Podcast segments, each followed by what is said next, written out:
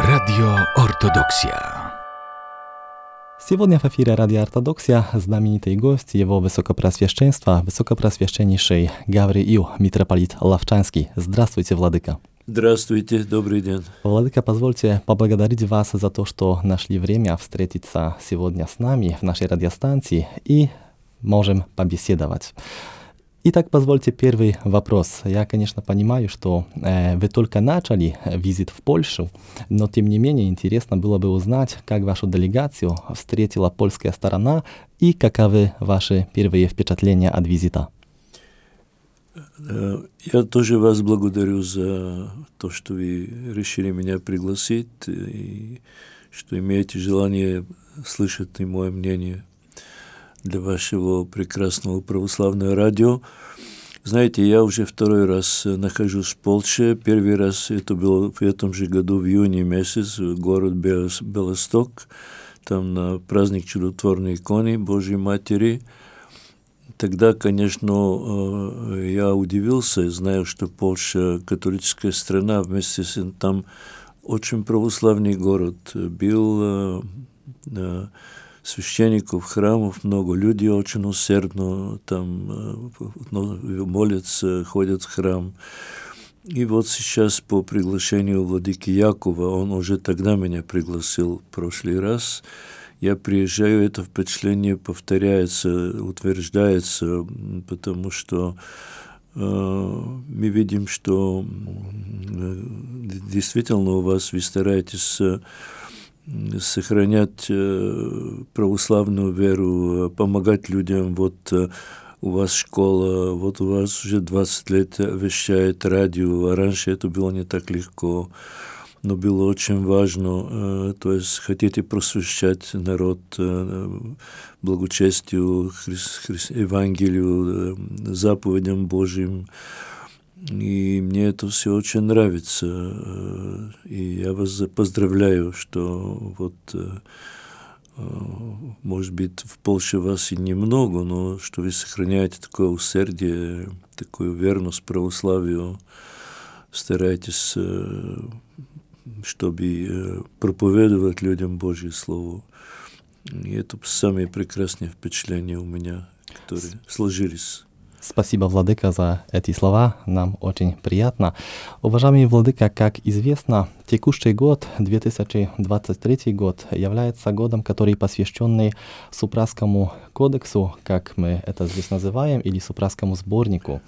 Конечно, это величайший памятник славянской письменности, и мы, конечно, гордимся, что этот памятник прославляет э, город Супрасль, город э, Супрасскую лавру, э, и нам, конечно, мы очень рады по этому поводу, и у нас проходят разные мероприятия, например, перевод этого кодекса на польский язык, э, конечно, и мероприятия, в которых э, я знаю, что вы будете выступать, э, разные лекции, выступления, а нам было бы интересно узнать, как к этому кодексу относятся в Болгарии, в вашей стране?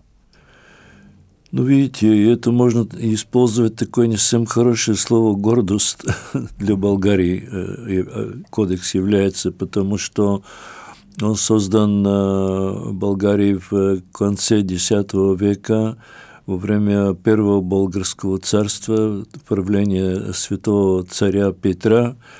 Э, но Потом этот кодекс э, пропал э, во время византийского рабства в Болгарии. Через 900 лет, э, в 1823 году, его приоткрыли.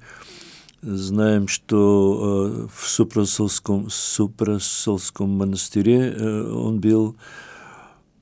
И слава Богу, что у вас относятся к этому кодексу с самым большим уважением, что его берегут, что вот уже он сделан так, что можно и по интернету его читать. Вот сейчас хотите и перевести на польский язык. А для нас, болгар, конечно, это самый бесценный, один из самых бесценных э, исторических э, документов, которые говорят о том, что в Болгарии уже в то время была очень развита письменность, и это хорошо, что для наших славянских народов это была основа. Славянская письменность, славянское просвещение. И мы желаем, э, чтобы этот кодекс и дальше был э, богатством для наших народов и для всех славянских народов, и для культурной сокровищницы всего мира. Угу. Владыка, вы сказали, упомянули 1823 год, когда этот кодекс, э, кодекс когда этот сборник заново, э, можно сказать, открыли. Да. Э, но я знаю, что этот вопрос э, трудный, сложный, но тем не менее, э, может быть, есть какие-то предпосылки, какие-то догадки, как этот сборник, как этот кодекс какими судьбами он попал в Супровскую лавру. Я, конечно, понимаю, что историки и специалисты по этой теме, конечно, не, нет, не существует такого ответа, но, может быть, э, вы как э, э, архиепископ, митрополит и, конечно, представитель болгарской, болгарской страны, представитель Болгарии, может быть, вы немножко поясните нашим радиослушателям какие-нибудь догадки, предпосылки по этому Я поводу? думаю, что у нас будут здесь на эту конференции ученые из Болгарии, я думаю, они лучше всего скажут в своих докладах, а, как они по своим научным путям считают, что он сюда. Я не стал бы э, в таком научном вопросе, но хорошо, что он не э, нашелся, что, может быть, воскрес этот кодекс. Потом знаем, что во время Второй мировой войны он тоже исчез из Польши. Потом нашелся в Америке. Один э, американский богатый человек купил и подарил снова в Польше. Так что сейчас он здесь находится. И вот, видите, есть возможность, даже э, сделали этот год годом Супросовского кодекса, так что слава Богу. И здесь соберутся ваши и наши ученые, чтобы дискутировать о этом документе, и он станет еще больше известным и больше прославляем в научных средах и в духовных, и вообще в культурных средах. Спасибо. Э, Владыка, э, вот еще такой вопрос, э, тоже связанный э, со сборником. Я тоже понимаю, что э, но будут э, по этой теме идти э, дискуссии, э, доклады, лекции будут читаться, э, но тем не менее позволю себе еще на э, один вопрос.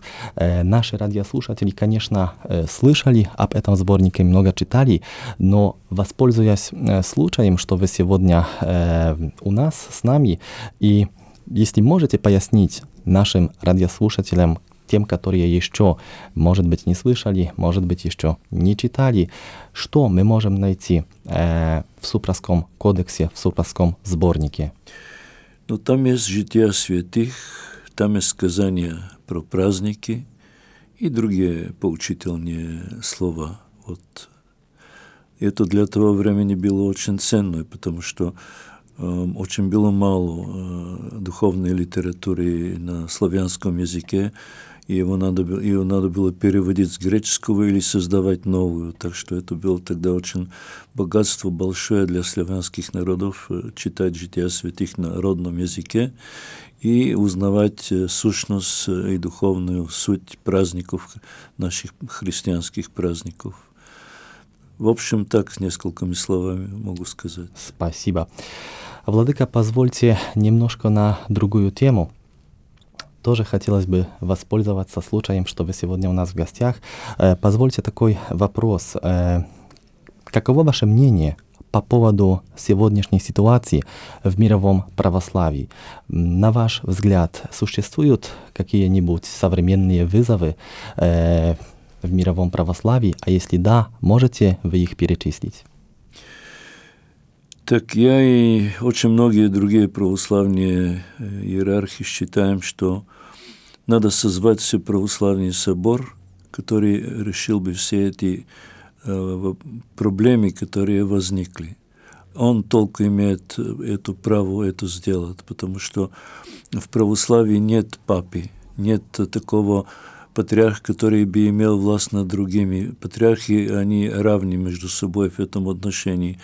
Э, старший является Вселенский патриарх, но он не имеет больше власти, чем любой патриарх. А вот самый высший орган в православии – это Всеправославный собор, поэтому лучше всего было бы созвать такой собор, и все эти проблемы, которые связаны и с украинской церковью, и с другими проблемами, чтобы этот собор решил.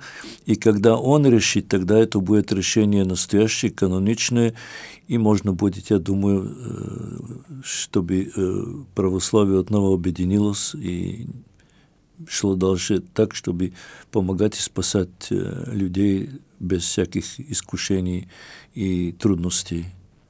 Спасибо. Владыка, вопросов, конечно, еще много, но тем не менее, учитывая то, что э, время э, идет быстро, э, под, я позволю себе подходить к концу э, нашего разговора, но позвольте еще один вопрос. Вы уже второй раз в Польше. Э, как вы можете, как вы оцениваете э, сотрудничество или отношения между польской и болгарской церквями? Очень хорошие, отличные отношения между отличные. Прошлый раз в Белостоке был Владыка Сава, мы с ним успели поговорить, послужить. Он имеет очень правильное понимание про эти проблемы в той православной церкви. Он такого мнения, как и многие из нас, иерархов отношения самые хорошие, у нас каноничное единство. Мы желаем Владыке Сави, чтобы Господь ему дал здоровье, и много сил, чтобы он руководил Польскую православную церковь, и чтобы мы жили в братской любви и взаимопомощи. Спасибо за эти слова. Владыка, подходя к концу, я попрошу вас Обратитесь, пожалуйста, к нашим радиослушателям со словами напутствия, со, э, с архипасторским благословением. Дорогие радиослушатели, дорогие э, работники э, в этом православном радио, я вас всех поздравляю с великим праздником сегодня Рождество Божьей Матери. Это один из самых великих праздников, это, можно сказать, начало нашего спасения – потому что если бы Господь не нашел такую достойную человеческую штер, которая могла вместить в себя Божье Сына, то не состоялось бы и наше спасение. Но вот явилась такая самая достойнейшая девица, которая получила самую эту великую благодать. Я желаю всем, чтобы мы молились Божьей Матери, и чтобы с ее молитвами, ее помощью был мир в наших странах и во всем мире, чтобы Господь даровал здоровье, чтобы Господь даровал духовное и материальное благополучие, поскольку оно нам нужно и полезно. Благодарю вас, Владыка, за эти слова от всех наших радиослушателей, от всей нашей редакции. В эфире нашего радио сегодня мы имели честь беседовать с его высокопросвященством, высокопросвященнейшим Гавриилом, митрополитом Лавчанским. Еще раз спасибо. Спаси Господи. Radio Ortodoksja.